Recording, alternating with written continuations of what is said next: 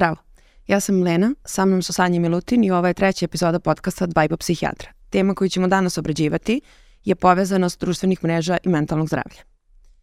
Milutine, da li bismo mogli da vidimo tvoj screen time? Pa nevoljno može. On je ove nedelje fantastičnih pet i po sati, dok je prošle bio i sedam i po, tako da to je neki, da kažem, moj prosek izgleda. Između pet i po i sedam i po. Sanja, koliko je tvoj? Pa oko tri sata. Zapravo, mislim, mogla bi da proverim tačno, ali mislim da je, da je oko tri sata. Lena? Mislim da ćemo morati da pokazujemo, sada mogu da slažem.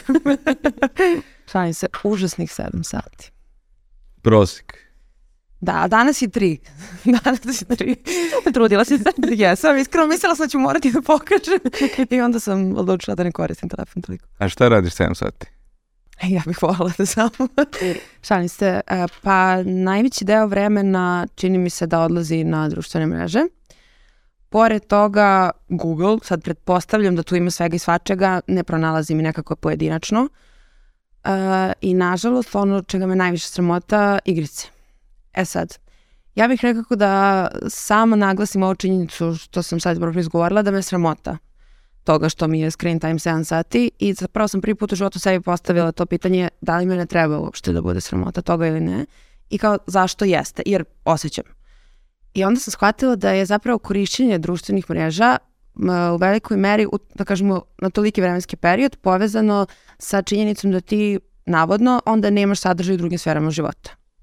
E sad, ja za sebe lično znam da to nije istina, a i dalje imam taj osjećaj sramote i krivice. Ne znam kako se vi osjećate po pitanju toga, jer eto, da li vas ljudi u okruženju često i tako ću se izraziti smaraju zbog toga što koriste telefon? Pa meni se to ne dešava, iskreno, mada čak to, ovaj, ja od nas troje imam i najmanje screen time. Super, tako, da, ja sam, svakom pogledu ovde sad. Ja sam ipak ovde posebna, tako da možda se stvari koje se odnose na vas ne odnose na mene. Što se da? Ove, šalim se, da, ali zapravo ja, mislim, većina i mog vremena na telefonu prolazi na društvenim mrežama i ja se isto nekad pitam da li, da li bih radila nešto mnogo koristije i pametnije ako bih manje vremena provodila na mrežama i to nekako jeste možda pravo pitanje, ali ne znam ni kako da dođemo do tog odgovora. Ali šta, pa, mislim ja sad, šta pametnije i korisnije? Vi ste obe vrlo uspešne, vrlo ste dobre fakultete završili sa odličnim prosecima, super ste na specializacijama iz psihijatrije šta još dodatno treba sada, kak, kakvog superiornog čoveka mi jurimo u tom smislu da sad treba više bolje? Da li imamo mi pravo nekada da gubimo vreme? A, I ja se sad slažem da to jeste pitanje. Da li mora svaka radnja koju ja obavljam u danu da ima smisla, odnosno da bude najkvalitetnije provedeno vreme. Ali sa druge strane, ja lično vidim svoju frustraciju ako previše vremena provedem na telefonu, odnosno na društvenim mrežama, jer to onda stvarno utiče na kasnije moju nervozu što nisi otišla na trening, što nisi spremila nešto po kući, milion toga ima što takođe možda nije, kažem, najkvalitetnije vreme, a opet utiče očigledno na moje raspoloženje kasnije. Tako da s tim u vezi ja bih rekao da sam ja zavisna od društvenih mreža. Misliš da si zavisna? Da. Teško mi je, stvarno, baš sam evo ovih pet dana dok smo se spremali, razmišljala i shvatila sam da definitivno jesam. A što misliš da si zavisna?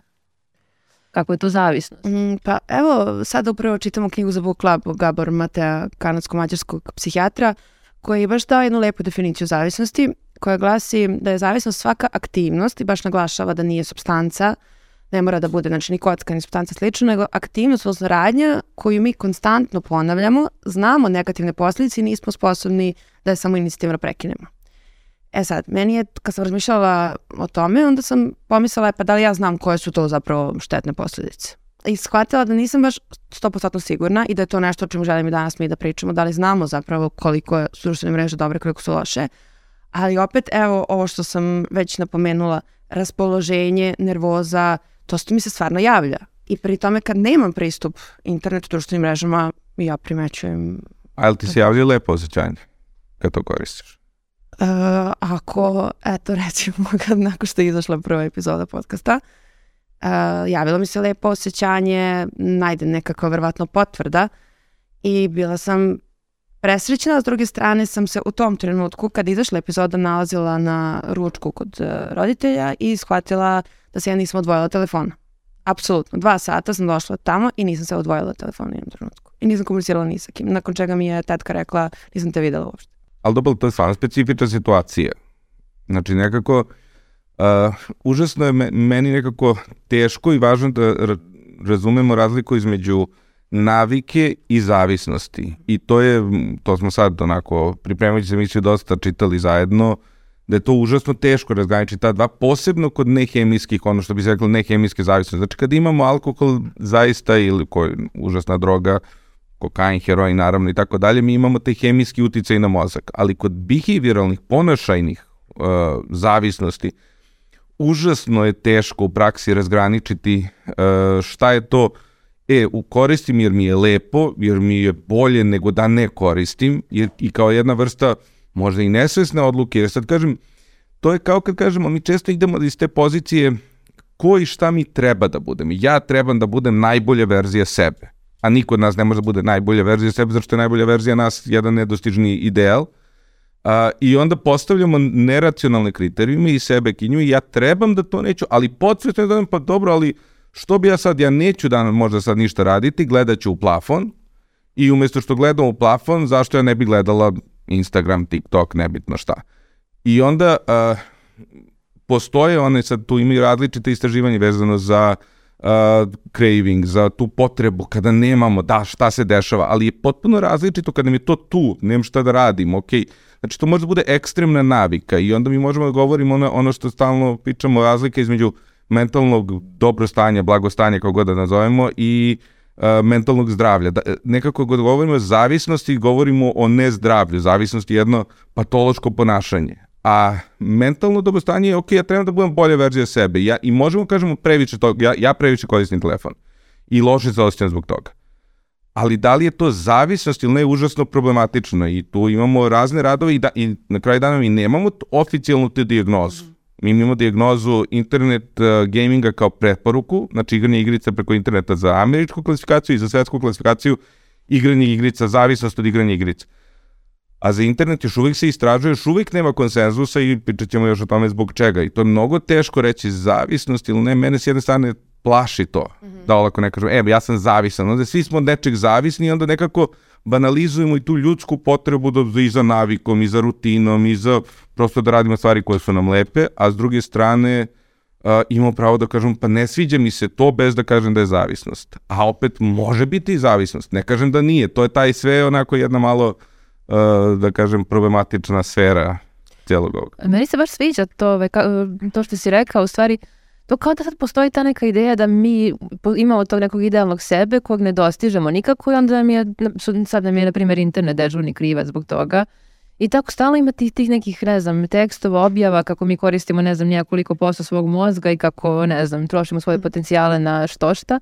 I stvarno, ovaj, baš, baš se u nekim radovima koji imaju malo umereniji uh, pristup navodi kako se u istraživanju društvenih mreža uh, usvojio taj neki uh, kako ga zovu, concern centered na, narrative, kao o, o, narativ u stvari koncentrisan na brigu, sad sve je strašno, sve je tragedija, ništa nije kao što je bilo i tako dalje. U stvari, e, zapravo istraživanja razna pokazuju razne stvari, urađene su na razne načine i sve to mnogo e, mnogo je heterogenije nego što, nego što na prvu loptu izgleda. Nije ono da li su društvene mreže dobre ili loše, da li je dobro ili loše koristiti ih, nego je mnogo, mnogo kompleksnije od toga.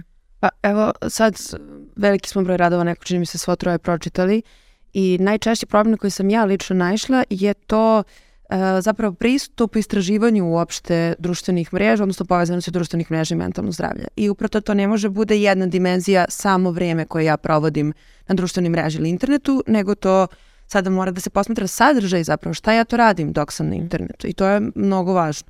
Da, ima ovaj revijski rad iz 2021. koji je između ostalog pokazao da je svega 11% radova kod upotrebe mobilnih kod dece konkretno od 0 do 6 godina, odnosno screen time-a, bilo kakvog televizija, ovo ono, pozmatralo šta je sadržaj toga što su gledali. Još ti kažeš, potpuno je jedno da neko gleda TikTok, ono brzo tak, tak, tak, nekakvi snimci, možda nekav dugometražni crtani ili možda neku edukativnu emisiju ili a samo samo 7% je uh, vodilo evidenciju o tome da li je uh, screen time bio samostalan ili sa nekim.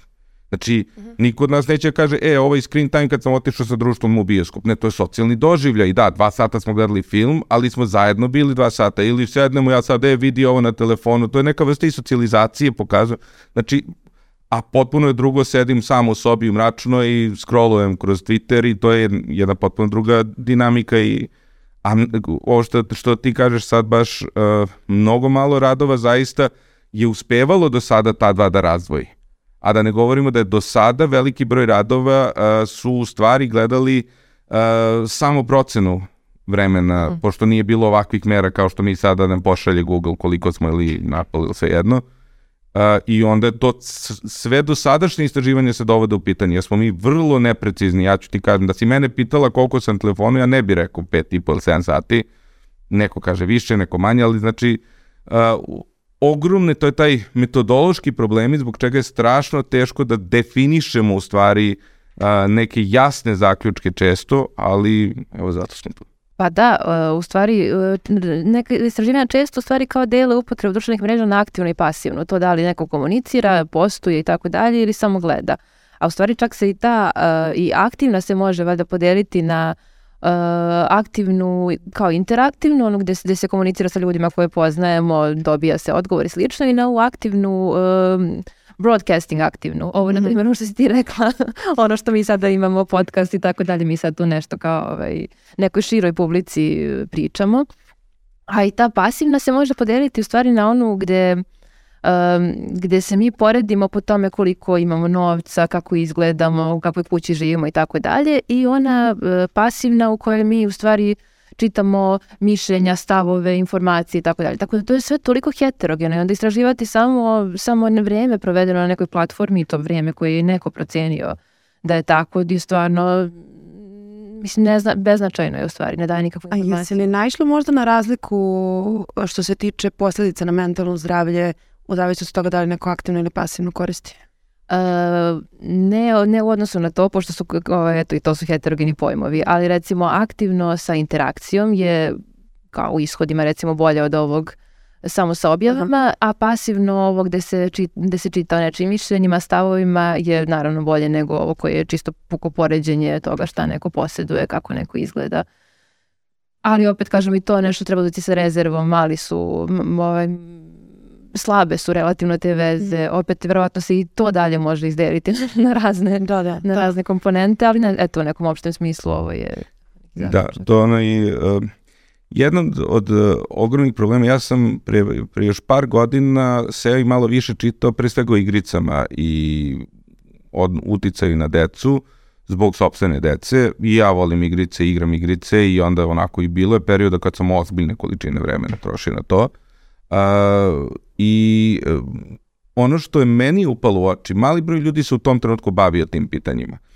Ali kao da su postojale grupe u kojima jedna grupa autora, neki Bushman, Anderson, to se sećam, su uvek dobijali da igrice izazivaju povećano nasilje kod dece i zavisnost, a druga grupa, uh, Ferguson, Marki i tako dalje, oni su dobijali kako u stvari igrice nisu uopšte strašne i kako ne izazivaju ni nasilje, ni ja sam skloniji njihovom ovom stavu, ali hoću da kažem, to je isto taj jedan problem gde mi uđemo u jednu šumu informacija, potpuno oprečnih radova i iskopati šta tu, tu mora mnogo metodologije da se razume. Ja zato između oslog naginjem uh, kada zaključima što se tiče, na primjer, igica i nasilja, ali naravno i sam nosim svoj bajas i želim možda to da verujem uh, i tog Marke i Fergusona da ne utiču, na primjer, na nasilje, zato što oni unapred objave kakve će statistiku da rade, dok vi kada kasnije nešto radite, vi možete malo da štelujete statistiku tako da uvete onu metodu koja će da vam da rezultat koji hoćete. I to se, nažalost, e, često dešava. Ali, na primjer, jedna od sada onako uticajnijih u tom polju Amy Orban, mislim da je s Cambridge ili Oxforda, nije ni bitno, ona puno objavljuje i ona je, na primjer, uh, takođe gotovo uvek dobije, između oslo, odličnima kritike te metodologije, svih, ovo što si baš ti pričao, koliko i različitog postoji, a uh, iz jednog rada iz 2019. je dobila da je, na primjer, digitalne tehnologije uopšte imaju uticaj na mentalno zdravlje negativan, ali utiču na 0,4% variacije. Znači, toliki je njihov uticaj, da kažem, ajde da se tako izrazimo. Znači, užasno malo. Da, negativno, užasno malo, ali to opet na grupi. A možda u jednom malom procentu koji ima neke tipove korišćenja uh, društvenih mreža ili telefona na jedan način, kod njih je možda 100%, nikad nije 100%, ali mnogo više, a negde je i pozitivno. I to smo isto viđali u istraživanjima gde kažu da e, društvene mreže, negativni i pozitivni efekti su potpuno a, dve strane iste medalje.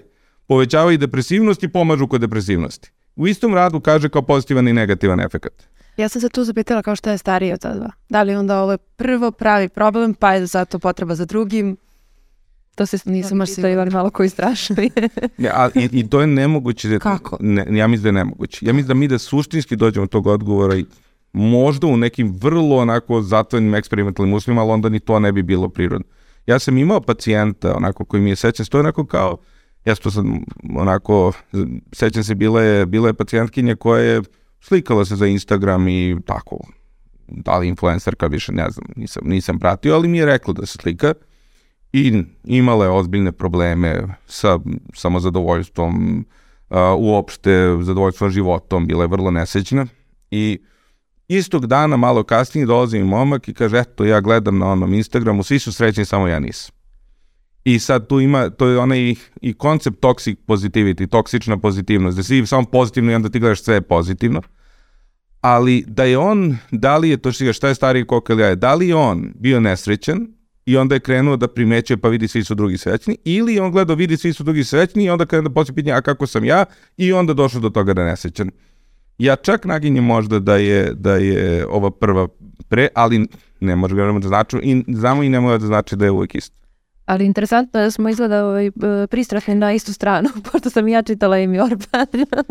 I ovaj, baš zapravo um, ima jedan uh, narativni pregledni rad u stvari iz 2020. gde ona u stvari je pregledala sve, um, u stvari mnoge, mnoge pregledne radove, mnoge metastudije i mnoge kao ključne studije iz oblasti društvenih mreža i mentalnog zdravlja i u stvari je nekako i zaključak bio da stvarno uh, nije uzet u obzir način na koji se društvene mreže koriste, specifičnosti upotrebe, individualne razlike, da, da su ti rezultati onako vrlo, nekako, vrlo uh, upitno interpretirani i da na kraju krajeva mi nekako i nemamo jasan stav.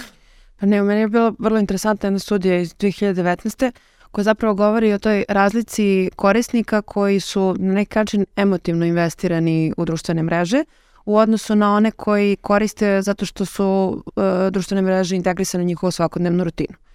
E sad, uh, interesantan je podatak da dosta negativnije posledice po mentalno, zdra, mentalno zdravlje i društveno blagostanje Uh, znači, loše je bio uh, rezultat kod onih koji su imali emotivnu komponentu, a sa druge strane, kako smo mi to mogli tačno baš da izmerimo koliko je neko emotivno investiran u društvenu mrežu? Jel si ti emotivno investiran? Pa ne znam, nisam da nisam, a nešto mi se čini da to baš i niste. I da, ali da li je to opet i stalna kategorija? što kažeš, taj dan kad si gledala uh, kod, na ručku, taj si dan bila vrlo emotivno investirana, koji ja kao i Sanja ova dva dana. Jeste. Ali prethodno tu možda je bilo dana kada te baš bilo briga. E, sada sam nešto pomislila, ali sad opet nisam sigurna da li je to navika ili zavisnost. E, ja sam jedan od onih ljudi koji pokušala s na vreme da obriši Instagram ili neku društvenu mrežu i nikad mi to ne uspe. E, prvo, to mi nikad ne uspe, uvek vratim. A drugo, eto recimo da prvih 5 dana, ako obrišem aplikaciju, ja mahinalno uzmem telefon i okrećem, scrollujem na mesto gde treba da bude Instagram, ali to se desi jedno 50 puta u dan. Ali to je navika. E sad, kako, slažem se, slažem se. A onda je usledilo posle nekih 10 dana osjećaj apsolutne isključenosti iz društva, iz dešavanja i to je onaj fear of missing out koji mislim da je važno da pomenemo. Strah, strah od uh, Propuštanje. Propuštanje stvari, FOMO. tako je. FOMO. Popularno, popularno FOMO. Ove, I da, o, ozbiljno sam osetila, ne mogu da kažem. I onda sam počela da razmišljam nešto skoro, a zašto ja nemam na drugu stranu taj strah? Jer eto, stalo nešto sam baš gledala po Instagramu, danas je neko izbacio sliku, uh, grupa ljudi koja ide ulicom, gleda telefon i sad naravno svi gledaju telefone, vedro je nebo i čovjek je mi pisao uh, pogledajte gore, propuštate. Zašto niko nema taj strah? Zašto mnogo više stvari, do, to si videla sve i znaš da u 99% slučaja neće biti ništa. A to ima ona teza sa dopaminom, gde tebi stvari iščekujući nešto do, raste dopamin, a nekada dobiješ. To smo pričali, još ti si i predstavljala taj rad od, mm. Sa Polskom.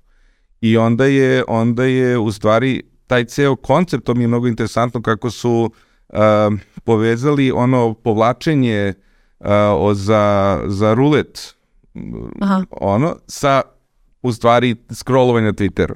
E pa da, to je ona interesantna stvar da zapravo kada otvorimo Instagram aplikaciju i kada navodno čekamo da se učita, to uopšte nije zapravo čekanje da se učita. Ona tri kružića koje se stalno smenjuju su zapravo to te intermitentne variable od kojih to možda nastaje zapravo u našoj glavi i onda skače dopamin. Zapravo to što mi ne znamo da li ću da dobijem like, da li će izaći notifikacija, da li će moja simpatija dokači novu sliku i tako dalje.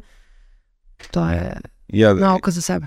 Ja sam na Twitteru, ja imam FOMO od, na Twitteru i kad, na primjer, ono kao odemo na letovanje i manje ću da koristim, uh, ja uveče, ono, malo imam kao prkad vidim sad sve i kao koliko ću nazad da se vratim je kao moram sve, ne mogu ništa da propustim. Dakle, nešto važno ću posjetiti, a u svrštini što kažeš ništa, ali da, postoji taj, e sad kažem, da li je to opet deo ljudskog uh, variabiliteta, normalnosti u kojoj mi imamo prosto tu potrebu, ali ono što je meni bilo onako malo užasavajuće interesantno jeste uh, koliko su u stvari, nije to slučajnost. Dakle, to smo čitali, a, i imate tekstova o tome koliko u stvari psihološki timovi rade na tome da mi tako reagujemo. Dakle, to nije kao, eto, prosto dešava se. E sad, e, ili se seća neko da vas, na primjer, neke od metoda koje koriste? Ti znaš, Lene?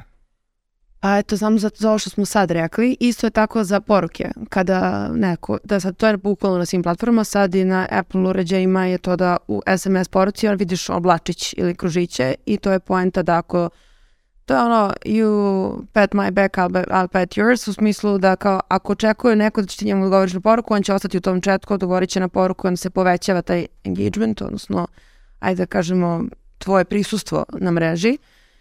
To je bilo mm, znam da, dobro, like dugme koje je to trebalo da bude jedna potpuno, da kažemo, slučajnost, nisam sigurna koliko je trebalo da bude slučajnost. Sam jedan od četiri dizajnera je zapravo skoro izjavio kako je sad njemu se čini imalo previše uspeha upravo to. Drugo, push notifikacije, odnosno činjenica da ti stiže notifikacija na telefon, mislim to je samo po sebi, to, toga nije bilo, to bi SMS i to se završavalo.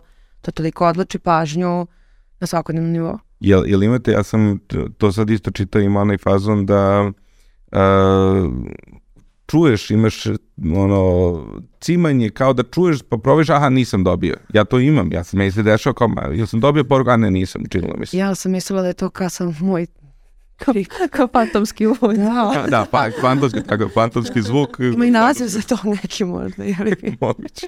E da, kad, kad ovaj reče ovaj, ovaj naziv, sad ima masa tih neologizama vezanih za društvene mreže, pa ovaj, malo pre sam baš pitala Lenu, a Milutino, ti znaš šta je uh, nomofobija? Ne. No mobile phone phobia. pa onda ima, da, ja imam uh, vague booking. E, da, to sam našla. To znaš. Ne, šta je to? Uh, to je vague facebooking. Kao one mm. Neodređene i nejasne objave koje su onako nekako emotivno šaržirane, posličene, upućene i tako dalje, ali, ali preko Facebooka recimo.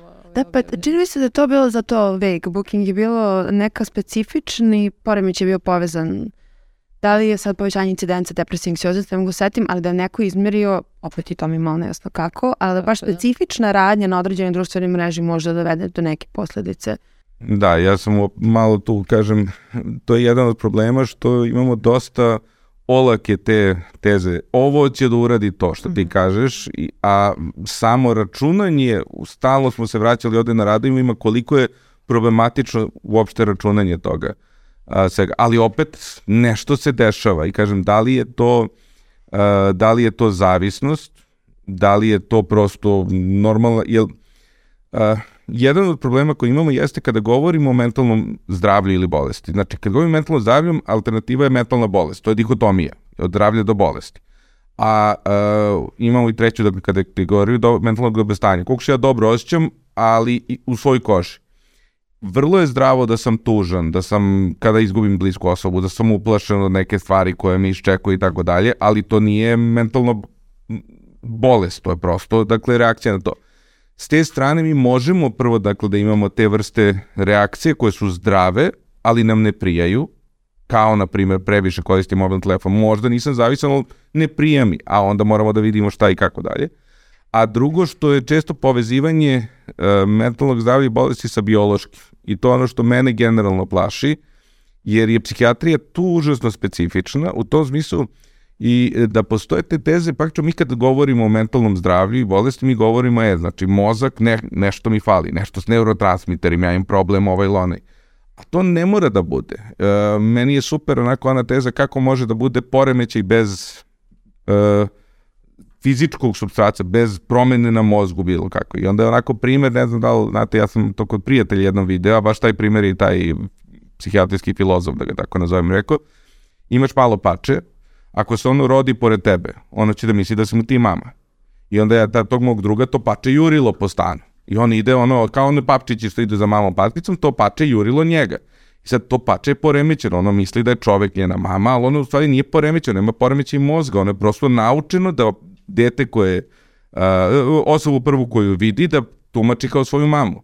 Dakle, imamo poremećaj bez fiziološkog substrata. E ovde isto imamo tu situaciju gde mi možemo hipotečki da imamo i poremećaj, dakle poremećaj odnosa prema internetu ili o čemu, a, da nemamo fiziološki substrat, da to u stvari naša normal, poremećaj ponašanja bez poremećaja biološkog, naša normalna reakcija gde psihološki timovi od njih desetina ili stotina rade da sve naše onako ljudskosti koriste protiv nas, što, da kažem, često nažalost rade. Uh, kad si malo pre pitao šta je to što na društvenim mrežama postoji da oni koriste, za Snapchat je nešto što je onako poprilično meni bizarno bilo. Postoji kao neki strajk koji se obeležava određenim crnim linijama, nisam sigurno ne koristim ga, to sam čitala, da su mladi u jednom trenutku toliko postali opterećeni time da se održi strajk, odnosno konstantna komunikacija sa jednom specifičnom osobom, da su često, ako odu negde na putovanje, kao davali svojim prijateljima da, tako reći, babysituju taj strajk, da se to ne izgubi. Zašto onda više potpuno gubi svaku poentu, onda nema veze više ni socijalizacija, ni komunikacija sa drugima. komunikacije. To nema nikakve komunikacije, tako je. To je sad nešto što potpuno prevazilazi, a to je to, to je jedan od mehanizama. I to me podsjeća da to, na što bi sad moglo da zvuči hipotetički i, i to je jedna od glavnih kritika oni koji se bore protiv eh, toga da se o, o, zavisnost od interneta uvede kao dijagnoza, da je u stvari to samo jedna prizma jednog dubljeg problema depresije, obsesivno kompulzivnog poremeća ili bilo čega drugog. Dakle, da ja, uh, mi kao što znam, kad neko ima obsesivno kompulzivni poremeć, može da pere ruke stalno, može da broji, da ima različite kompulzije. Da je ovo samo jedna vrsta manifestacije površno koja se vidi, a da je u stvari ispod druglje. A šta ti misliš o tome? Pa ja sam sklon da verujem, ali nisam siguran. Može da bude, mislim, uh, ja dolazim iz pozicije gde mene strašno plaši uh, olako, olako diagnostikovanje, jer mislim da postoji i rizik od toga, da se taj rizik pocenjuje, da mi stalno imamo tu potrebu da pričamo o tome kome sve treba da pomognemo, a onda da čini mi se možemo da, da kažem, patologizujemo i normalno ljudsko ponašanje. Meni je bio, na primjer, interesantna priča o momku koji je stalno igrao igrice i onda ga, su ga roditelji primorali da dođe na uh, u bolnicu i onda je on zbog toga propustio neko takmičenje u igricama. On je bio toliko uspešan da je na kraju došao do tog nivoa. I sad, uh, mi dolazimo do tog paradoksa, on završava u bolnici, on se leče od nečega, a on bi sutra mogao da zarađuje od toga i ako bi zarađivao, bi rekli, e, u stvari to ipak nije zavisno, zato što, eto, ispunjava te nekakve socijalne kriterijume koje mi namećemo. Dakle, ako ti zarađuješ od igrica, ti nemaš poremeći, ako ne zarađuješ, ti si zavisan. A što bi neki klinac i to, to primećemo, uglavnom je fokus na adolescente i decu. Deca koliko mi stari, redko vidiš da se priča sad zavisan od igrice ima 40 godina. Jer kao, a kakva je to bolest koja prosto nestane s godinom? Tu isto imamo taj deo i prosto zainteresovanosti mladih, njihovih, dosadna mu škola. I onda to može onda da pređe u alibi, eto, roditelji kažu, vidi, ona samo gleda Instagram, on samo igra igrice, i onda, onda da se stvari pravi alibi i za lošu školu, za neke probleme u roditeljstvu, za različite stvari i da se nalazi takva jedna vrsta, vrsta uh, i to mene plaši, a s druge strane, hipotetički možemo da imamo i zavisnost uh, uh, od nekih aktivnosti. Samo su, kažem, one mnogo reće i ono što je rekla, moralne panike. Toga isto imamo, moramo se Bile smo, pokazali smo rado radio, uh, zavisnost od radio emisije iz koje 42. na primjer objavlja. Radio drama. Kaže, deca sede, slučaju radio drame, neće da ustanu. Ovaj. Panika se pokazala kao neosnova. Pa, ipak. A možda i nije. Pazi, možda je to bio uvod u ovo danas. Mi, evo ja sad kažem, eto, mi smo gledali smo televizor, pa je to bilo okej. Okay a sad televizor nije, telefon nije ok, možda i to ok, a možda ništa od toga nije bilo ok, možda mi prosto skližnjavamo jednu odcepljenost od prirode, što isto nije, ne znam. Je li televizor od starta bio ok? Pa nisam naišao na radove, ali ja sam siguran... Ne se setiš što sam mi mislila. Iskreno. Mislim kao, tvoje mladosti, da ti nešto ja sam mlad koji vi, ne znam što reći. Dok si studirao. ne znam, mi mladi ne znamo da odgovore na ta pitanje. ok, možda nuti da želi da odgovori. Dakle, ćemo dalje. Ne, a bi, bi, mislim, ne, bilo je manje ovakvih priča uopšte o šta je poremeđe, šta nije, mnogo manje te fiksacije. Uh, ali uvijek bilo taj strah od ono balansa. E, nemoj gledaš 100 sati televizor, idi napolje, mislim, malo se druži. Ja danas kažem, deci, nemoj gledate telefon, idite napolje, družite se, ali a onda kad su previše napolje, pa desi ceo dan. I tako, nikad, nikad zadovoljni. E, ali bih ja da pomenula onaj pojam instant gratifikacije, što se stalno sluša i ti spomenu TikTok koji je nekako, čini mi se, vrhunac toga. I baš ovaj, ovo objašnjenje sa polskog o zavisnosti i skoku dopamina, zapravo on tu priča kako je dimenzija vremena ono što je nama kao ljudskoj vrsti najspecifičnije. Odnosno da je kroz istoriju nama taj skok dopamina dovoljno dugo traje u smislu radiš, studiraš, pa tek onda znaš da će nagrada u vidu diplome, posla, novca i tako dalje doći kasnije. A da sada dolazi do potpunog remećenja tog rasporeda nekako i da sada to što će meni 10 notifikacija da stigne nakon što mi neko lajkovao recimo sliku, da odmah postoji taj skok, da odmah dobijem tu svoju, da kažem, željenu pozitivnu posledicu i onda nastavljam dalje sa tim, da kažemo, manjim, ajde tako uslovno rečeno skokovima. To sam isto naišla ovaj, kao u nekakvim radovima. Meni to zvuči interesantno, jer imam utisak i na svom ličnom primjeru da je to tako. Da, da mi se nekako, kako kažem, prazne se poji, bukvalno. Da. Da, ja znam, e, ja sam imao jednu situaciju, meni je sad, kažem, isto zato bilo uzbudljivo, prvi put onako vidim puno ljudi gledalo ovaj prvi, za moj, moje kriterijume puno ljudi, uh, a sećam se kad sam nešto na Twitteru, ja generalno na Twitter koristim i jako puno čitam nauče radova, ono, ali ima i gubljenje vremena. I onda je bilo neki komentar sa nekom političaru napravio, nek, tako, nešto se napravio pametan, ovaj, ništa spektakularno, ali pošto nikad ne tweetujem, nešto je došlo, pošto je bilo na političarom nalogu, ja mislim u dnevnih dva sata 140 lajkova. Ja sećam kako wow. sam grozničavo, da. Meni je to spektakl bio. ne, ne, nisam Pa ne, imaš oni koji imaju po hiljade, ja ne znam kako ti ljudi žive, to mi je potpuno nevjerojatno. Ali ja sam... ja sam go razničao, onako refrešovao i baš sam se loše osjećao, a i dobro, s jedne moram, a s druge strane šta ja radim. A ovo drugo što kažeš, pre neki dan sam imao, kad sam zaista jedno pet sati, jer o, to, je, to je ovo što si ti ste pominjali obe, čini mi se, to šta radiš na internetu. Kad sedim, ja mogu zaista, evo, pet i po sati trošim na internetu. Prosečno. A, ali dosta toga nešto za posao, dogovaranje izlazaka za decu, ovo, ono, znači ima takvih stvari i onda je to ok. Ali sam imao jedan kad sam te par dana, 3-4 sata, možda i više, probao bukvalno ne reći ništa. Gledao sam Macbang vide, otkrio novo dno života i, ovaj, i onda sam, ja se toliko prazno i loše osjećao posle toga. Toliko sam se onako, gde moj život ide. Sad, Možda zbog sadržaja. Big Bang, na primjer. Mislim da... da je to očigledno. Ne, to mi više bilo doznalost onako i, i taj, uh, a drugo to ima isto, meni je mnogo bilo interesantno uh, što sva istraživanja bez greške pokazuju kako praktično odgovori na negativne, loše sadržaje su uvek intenzivniji od uh, onih dobrih. I mi tražimo to loše i zato meni taj Magbang zato što je bilo užasavajuće, a ne mogu da sklonim pogled. I mislim, taj deo isto, i onda se punimo tim negativnim sadržajem i, i tu isto ide taj pitanje sobstvenog tela i to, to ti sa adolescentima možda viđaš. E, vezano za, za self-image? Da. Pa da, kako ne, ovo, mi smo čak i nešto započeli zajedno neko istraživanje vezano za to kako mladi koriste društvene mreže, kako, to, kako je veze ima sa ovim njihovim simptomima nekim. I ima naravno. Nešto se nekako među mlađim adolescentima istakao Discord kao aplikacija koju, koju puno koriste. To je onako meni bilo iznenađujuće. Prvi put sam zapravo čula za Discord. Da. Šta je to? Je ta, Uh, pa Discord ima servere, ako ja dobro razumem, koji okupljaju ljude koji imaju neka slična interesovanja. Međutim, nekad se desi da su ta slična interesovanja, neke teme poremećaja mentalnog zdravlja i onda ljudi sad tu razmenjuju razne stvari, što stvari koje promovišu zdravlje, što stvari koje ovaj, ne promovišu zdravlje baš toliko.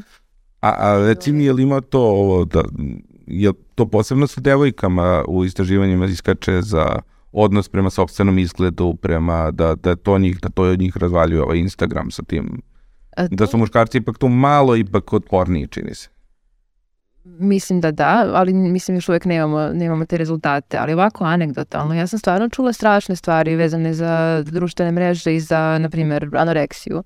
Recimo, jedna pacijentka mi je pričala kako postoji postoji, na primjer, server na Discordu gde se Uh, pravi se kao neka vrsta rangiranja u odnosu na to ko je koliko izgubio težine, ko ima koliki ovaj, body mass index i onda su um, nadređeni su oni koji su mršavi i onima koji su koji nisu mršavi i sad to ne znam podrazumeva neke zadatke, neke ovaj neka zaduženja stvarno mislim nevjerovatne stvari. To mi je baš bizarno. To ono što je Roberto pričao da. kako, kako moramo da te stvari naučimo da bi bili u toku. Nisam imao pojmi baš. Isto.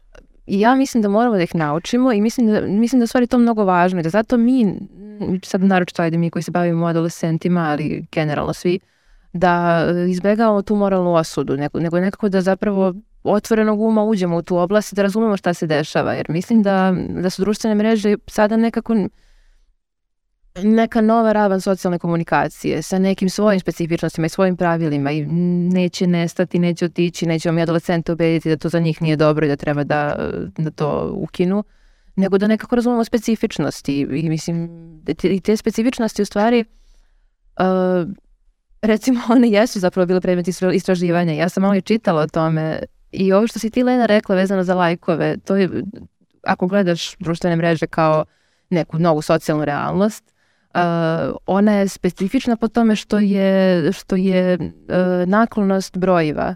Mm -hmm. to, to recimo ja nikad nisam razmišljala o tome, to stvarno jeste tako, ne znam, ti si simpatičnija ljudima nego ja jer ti imaš 200 lajkova, ja imam, ne znam, 100. I to onda nekako omogućava i kao neko, neku vrstu evaluacije sebe i neku vrstu rangiranja sebe u odnosu na druge. I mislim da to nešto što mi treba da pokušamo da pokušamo da razumemo i da pokušamo da shvatimo kako na ljude utiče i da da kažem da, da treba da se čuvamo samo čiste osude. E, ti si u pripremi za ovu emisiju lepo, kad smo pričali, rekla da imaš utisak da sa društvenim mrežama smo otuđeni, a bez društvenih mreža smo otuđeni. I da šta god da uradimo sad smo negde zarobljeni u ovome Pa da, ja, ja zamišljam čak i unutar, eto ne znam, moje generacije da ja nemam nijednu društvenu mrežu, ja bih se osjećala kao da živim pod kamenom, kao da, da ne znam šta se dešava nikome. E, ali tu ima jedan pojam koji se zove online uh, socijalni kapital. Baš apropo toga da se slično uključeno uvek, bez obzira da li smo tu ili nismo. Uh, čak je pokazano na primjeru koji nije bio da duše veliki uzorak uh, ispitanika, da oni koji imaju profil na nekoj društvenoj mreži, a ne koriste ju uopšte, u smislu da se fizički odvojen, recimo ne imaš 5 dana telefon, da se i dalje osjećaju uključeni u društvo od onih koji nemaju uopšte. Čak nikada je ne koristiš, ali eto ti imaš profil, tu si, uključen si korisnik si Facebooka, na primjer. To nisam znao. A šta mislite što se tiče aspekta pažnje? Pošto za mene lično to verovatno najveći problem je se zna da Ja sve na YouTube-u gledam na jedan i po dobri znaju.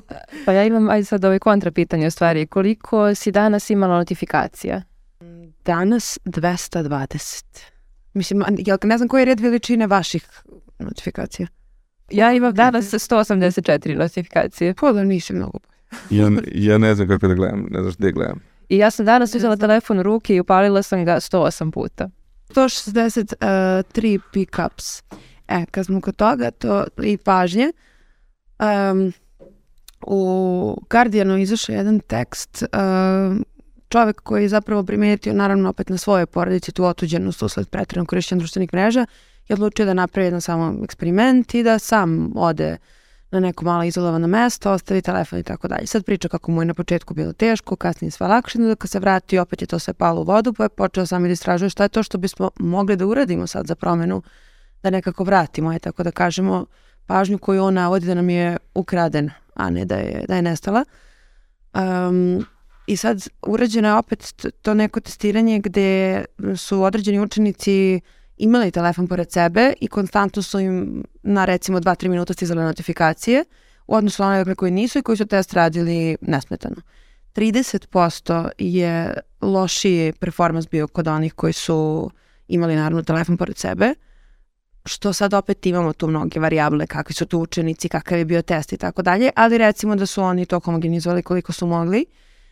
I baš je on rekao jednu stvar koja je meni bila onako malo strašujuća ali lepa, imam utisak kao da mi svakog dana neko krade po 30% pažnje. Jer ako ja dnevno uzmem telefon 220 puta, stvarno čovjek ne može da se ne zapita šta bi bilo da to nije tako. Da li bi moji kapaciteti koji neminovno jesu ograničeni i pažnja koja je resurs nije kao eto bilo šta drugo lupiću pšenica eto koju ta ekonomija to tržište nego ovo se bavi apsolutno našom pažnjom.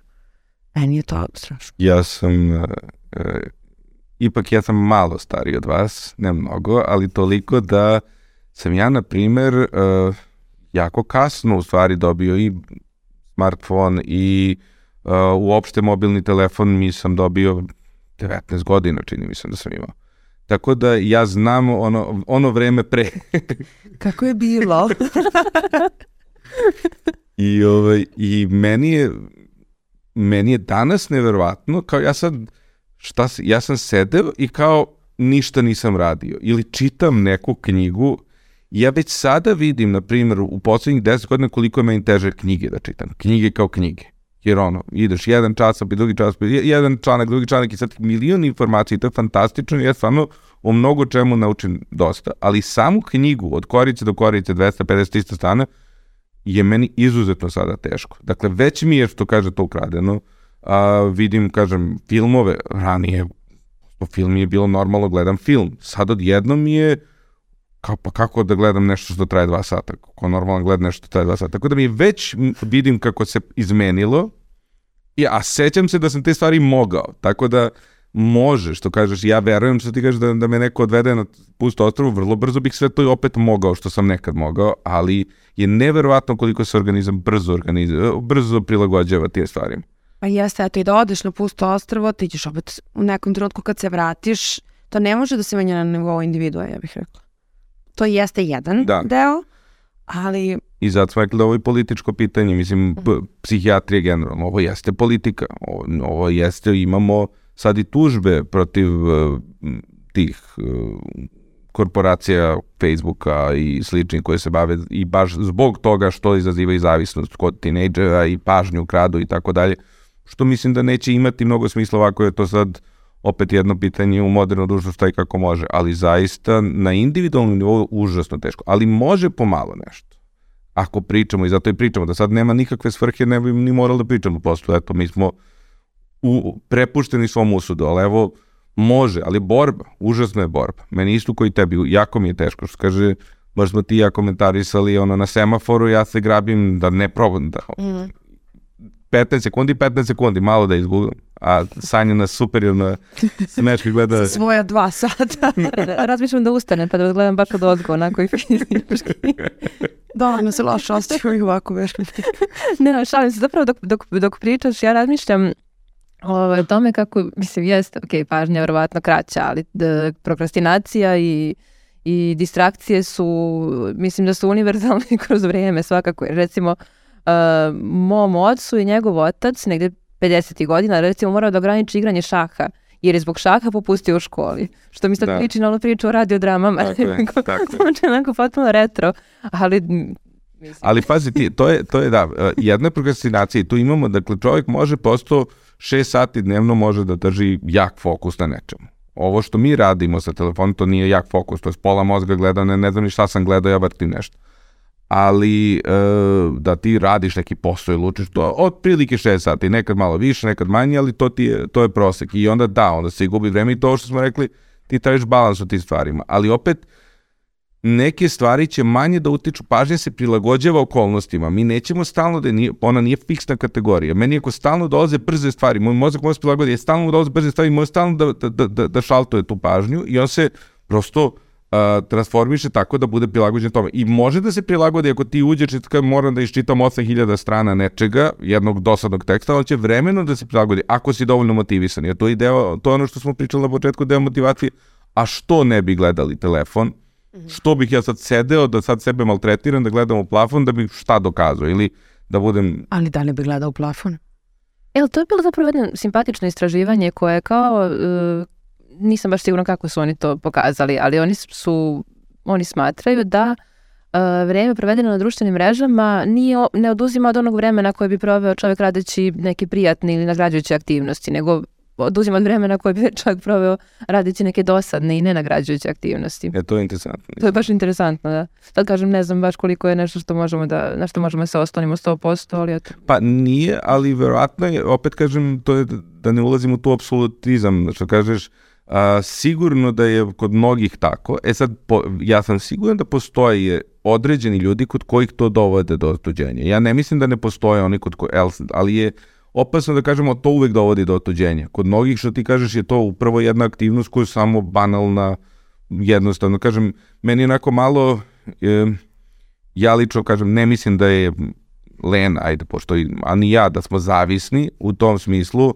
zato što, kažem, bilo mi smešno neko ko je zaista za svojih 26 godina puno toga postigao u životu, da kaže ja zavisni. Zavisnost mora ipak na neki način da utiče na tvoju funkcionalnost. I na moju ali mi se opet neki aspekti toga ne sviđaju, možemo da radimo na tome. A što mogu da funkcionalnosti? Ja sam zavisna od nikotina.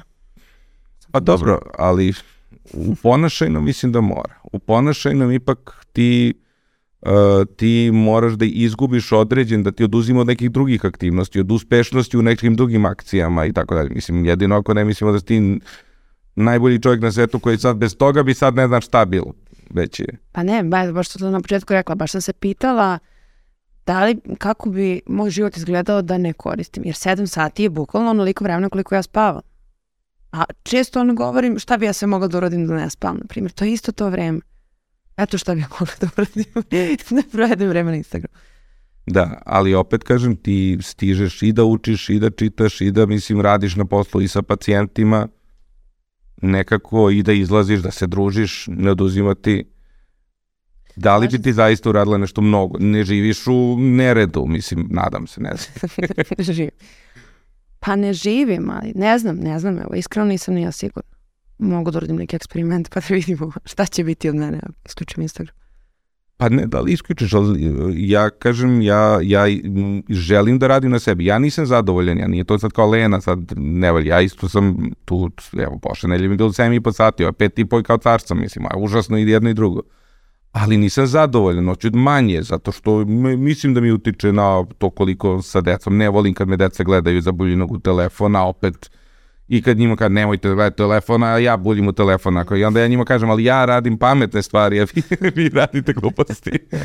Ove, ovaj, I onda nekako bih voleo ipak da, da i, i osjećam da mi oduzima od toga da sam u momentu, ali to nije zavisnost, to nije pa, patologija, to nije poremećaj, mm -hmm. to je prosto nezadovoljstvo sobstvenim nekakvim životnim uh, karakteristikama, ali jeste jako teško da se to reći.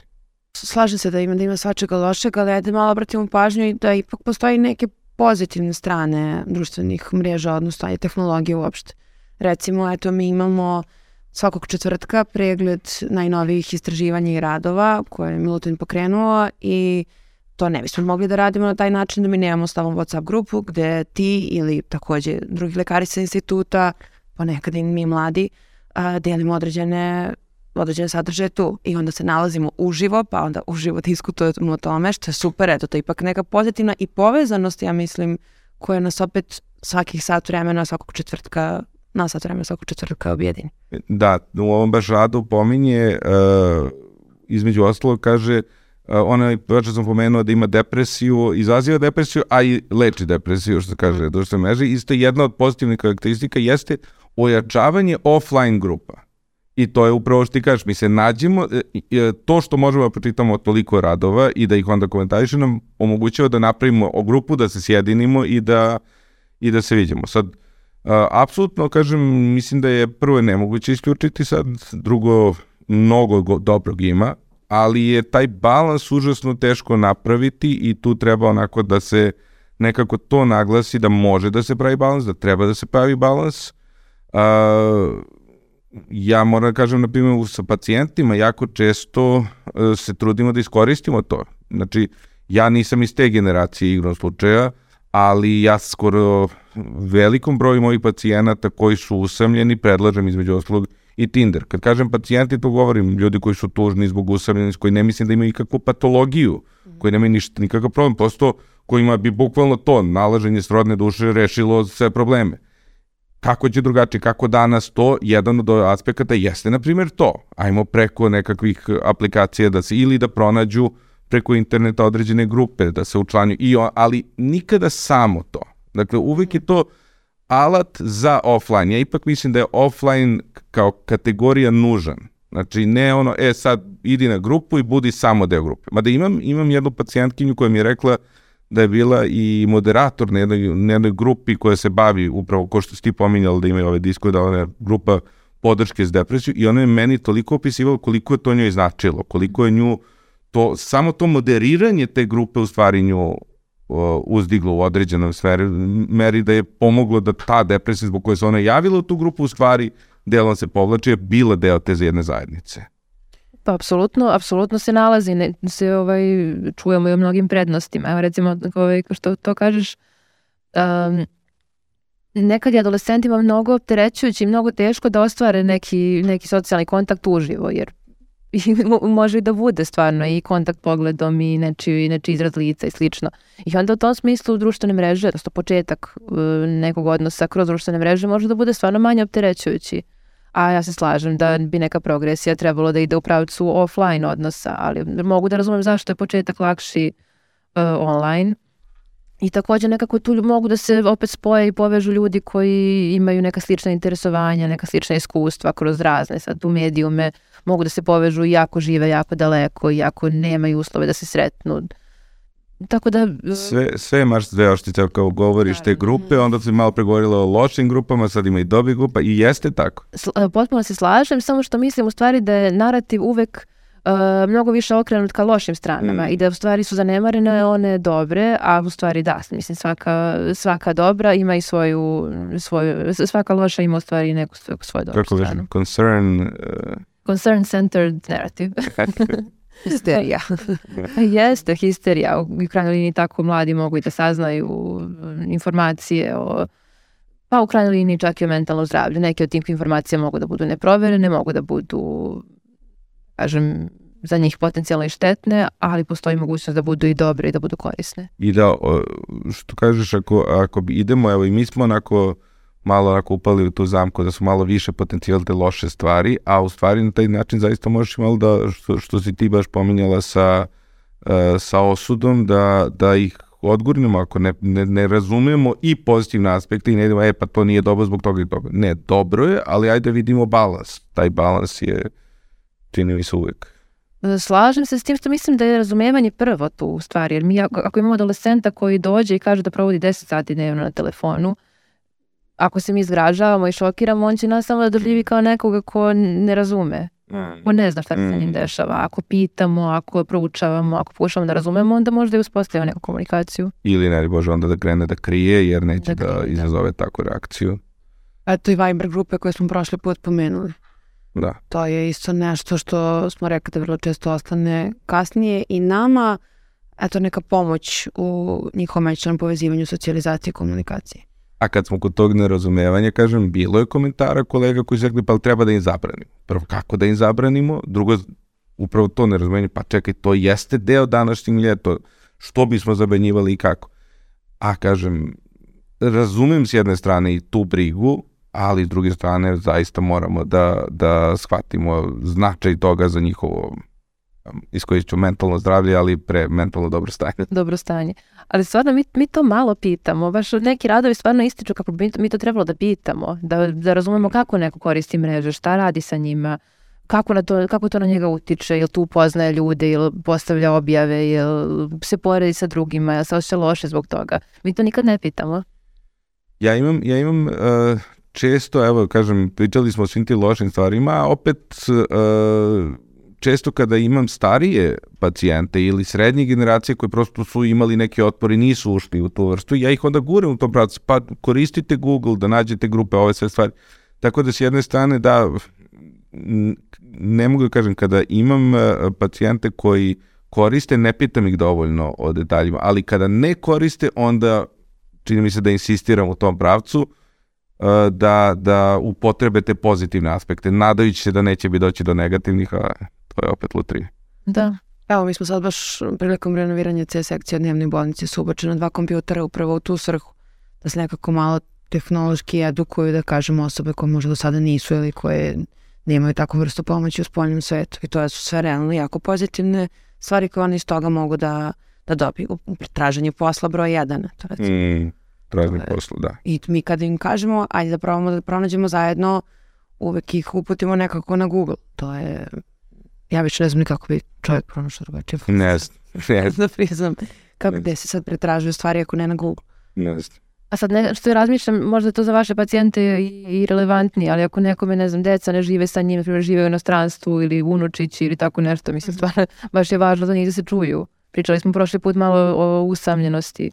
E, tu mislim da je baš to tanka granica. Koliko ćemo se čuti preko, na primjer, kamere, FaceTime-a, koliko onda zbog toga možda zanemariti offline viđanje. Mislim da to užasno važno. Ja, ja, na primjer, ja imam ucek da je toga, na primjer, ima malo sa prijateljima. Mi imamo mm. brdo nekih grupa i onda svi stalno dopisujemo i stalno smo tu zajedno, a onda primećemo, stvari se vidimo dosta redko, ono jednomesečno ili nešto, što čini mi se da bi moglo i trebalo da bude češće, a onda se odmah se izbacuje i opet to je ta instant gratifikacija. Odmah ja izbacuje, e, vidi naš sam ovo, a mnogo bi lepše da se nađemo. Pa ne gledamo i telefon, pa mu pokaže vidi ovo, pa vidi ono. Uh, taj deo isto, ba, slažem se to, Lena, mislim da je užasno pipav, uh, za inostranstvo ne, tu naravno nemaš izbora, ali lako sklizne u ovaj deo gde imamo, gde imamo mora, uh, ja iskreno verujem da smo mi socijalna bića i taj socijalni aspekt, i ovo jeste jedna vrsta zamene za taj društveni, ali on mora, znači, posto kontakt zajedništvo, to je jedno vrsto gde smo u, u, u istoj prostoriji je čini mi se beskonačno važno i da ovo mora biti sredstvo za pomoć u tome, a ne zamena.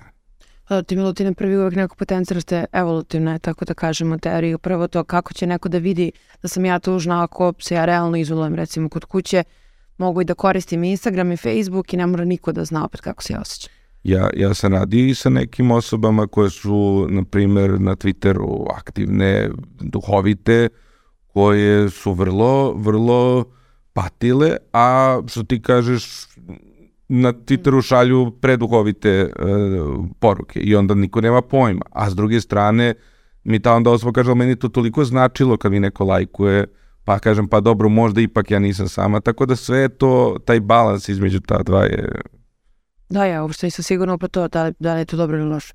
Može da bude zavisno od konteksta. Tako je, tako je. To mislim da nekako. A kad smo kod te histerije ove, koje smo pominjali, baš sam našla nekako lepo upoređivanje, eto da je recimo trenutno naša zabrinuta društvenim mrežama može da se poredi ili to što eto, to je baš primjer što ti Sanja rekla za šah. Oni to poredi sa stripovima. Kao što stripovi kad su došli odnosu na knjige u tom trenutku je to bilo strašno i kao eto kako će sada nešto takvo da zameni knjige. U stvari ja recimo sam pomislila Sada kad meni neko kaže čitam stripove, ja pomislim wow, kako je cool ovaj čovjek, kako je ono, urban i retro i tako dalje, a eto, to, to je samo kontekst vremena. I, I to je to. A opet s druge strane imamo to, to poređenje sa klimatskim promenama, koje kao kad su ljudi na to alarmirali 70-ih, onda nije bilo značajno i eto, preteruje se, histerija je, a opet došli smo do toga da to je definitivno naša realnost danas. I nekako je zaključak zapravo tog teksta bio ok, možda nismo u pravu za društvene mreže i za korišćenje tehnologije uopšte, možda ne, može, ne mora da bude toliko strašno i nećemo se otuđiti, ali sa druge strane, hajde da ipak probamo da stavimo nekakvo ograničenje, jer šta negore može da se desi iz tih ograničenja. Pa, mislim, meni je, meni je zaista vrlo jasna ta neka računica, prosto, što ti kažeš, imamo te sate. Ja, evo, Sanja mislim da apsolutno ne mora nikakva sebi ograničenja da stavlja. Sanja je sama pa. prosto... prosto, i to su razlike među nama. Razlike, ono, genetske, kako god hoćemo. Mislim, prosto različiti smo, ali neki ljudi treba, ko što neka deci treba da se postoji ograničenje u tome koliko će futbol da igraju ili koliko će, ne znam, da čitaju knjige. Idi ono napolje, nemoj da čitaš knjigu ili da radiš matematiku, ali taj balans da se nađe, kažem, je nešto što nije za, ne važi za svakoga. Mene to više zabrinjava um, budućnost. Ovo, ovaj, baš to, to što si Tilena rekla, nadovezala bih se na to. U stvari, um, nekako tehnologija nije end product, nije gotova, nije formirana. I baš, meni, mene baš ostavi utisak, uh, ostavi utisak neka izjava Nika Keva vezana za chat GPT, na primjer. Mm -hmm. Gdje on kaže da, kao da se mi tešimo time da to tek kao u povoju, ali tehnologija je uvek u povoju, ne postoji kraj. I sad eto nekako je ovaj, mislim da moramo da razumemo šta se dešava, ali da i nekako razmišljamo o tome da, da u stvari da se pitamo kakav to tok ima nadalje. Da, je, i, ova, te mas uh, histerije za različite nove tehnologije su stalno se pojavljaju i stalno odlaze, ali to ne znači da zato što ranije možda nije bilo, što je, kažem, upitno, da neka neće biti problematično i moramo da postavimo pitanje. E sad, kažem, evo, postavljali smo pitanje i drugi su mnogo detaljnije kroz radove prosvili pitanje i niko nikakav suštinski odgovor nije došao ko je zaista temeljno se bavio time. I to je ono s čime se mi, ta frustracija nepoznatog. I zato kažem je ono strašno važno da izbegavamo te lake odgovore. Nije dobro, jeste dobro. Valja, ne valja, nego prosto šta znamo, znamo, a šta ne znamo. Evo da nas ovo možda natrada malo što ti kažeš obraćamo više pažnje da postavljamo ta pitanja u praksi. Čini mi se i to ne radimo dovoljno. Upravo to šta ti radiš zapravo na internetu pa da pokušamo na taj način da malo pomognemo, odnosno da vidimo da li je to stvarno dobro ili loše u zavisnosti od osobe. Dobro, a Sanja pomenula si grupu, dakle, gde se da, daje jedna vrsta podrške, dakle, imamo grupe gde se daje podrške u lošim i u dobrim stvarima. A, a da li ima i nekakvog uh, antipodrške, da li ima i nekakvog, jel video sam u ovom radu gde napominje pozitivne i negativne aspekte, kao jedan aspekt je cyberbullying. I sad ja u starijoj generaciji populaciji nisam to video, a da li se to dešava kod adolescenata? Apsolutno se dešava i hvala ti na tom pitanju, to je stvarno uh, jako, jako važna tema i mislim da ćemo morati da malo detaljnije pričamo o njoj i nadalje u ovom podcastu. U adolescentnoj populaciji jako prisutna i nekako često, često se razgovara o tome, često se adolescenti javljaju zbog posledica uh, takvog vida zlostavljanja i nekako jeste stvarno važno Je li to zlostavljanje poznati ili, ili od nepoznatih češće? Jedno i drugo jedno i drugo i to je nekako eto jedna, jedna što se kaže naj, najtamnija strana te medalje. Ja o tome ne znam, puno i radujem se da u nekoj epizodi slušam teme malo više i sam možda i nekim gostom. Dobro, ovaj, hvala, a ja, ja bih nekako možda htjela se vratiti na praktični aspekt ovoga. Uh, da li imaš neko iskustvo, sad malo si ja to i Lenu, Lenu savjetovo, kako da znamo da li imamo problem i kako da znamo da li treba da se javimo nekome, zbog pre, prekomerne upotrebe mreža, na primjer? Pa je jedan od stvari, čini mi se, koje smo odrekli u stvari da i ne znamo baš sa sigurnošću i da bojamo biti oprezni, oprezni da ne protumačimo posebno kod bliskih olako da je nešto problem ako eventualno uh, možda i nije.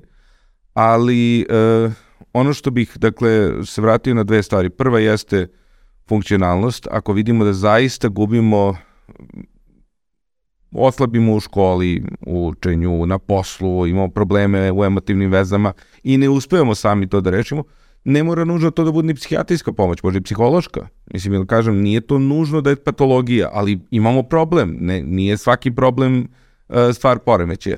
Ali može i da bude. I to je onaj drugi deo gde kažem da smo već ti pitali da li ja verujem ili ne verujem i gde naginjem to je jednoj kritici same ideje dijagnoze internet zavisnosti. Uh, često ako vidimo nekoga ko se izolovao da je često s telefonom, da, da to može biti u stvari samo prikaz nekog dugobljeg problema. Da li to nešto što bismo nazvali depresijom, opsivno-kompulzivnim ili može to da bude i razne druge stvari, može čak i psihoza. Ali e, prosto, prosto e, ako vidimo da remeti u a, raznim aspektima, ali ozbiljno remeti, neko što Leno remeti, da ne remeti. Ne umanjuj moju patnju. Da, što remeti da ne postane Nobelovac sa 29 godina. Odvrat. Kud rekao. Ovaj, ne, ali bez šale. Dakle, mislim da ipak ne trebamo olako to da shvatamo. Mene plaši olako da definišemo nešto kao problem što može prosto biti ideo. Jer ima jedno istraživanje interesantno, na primjer, eh, baš vezano za eh, zavisnost od igrica.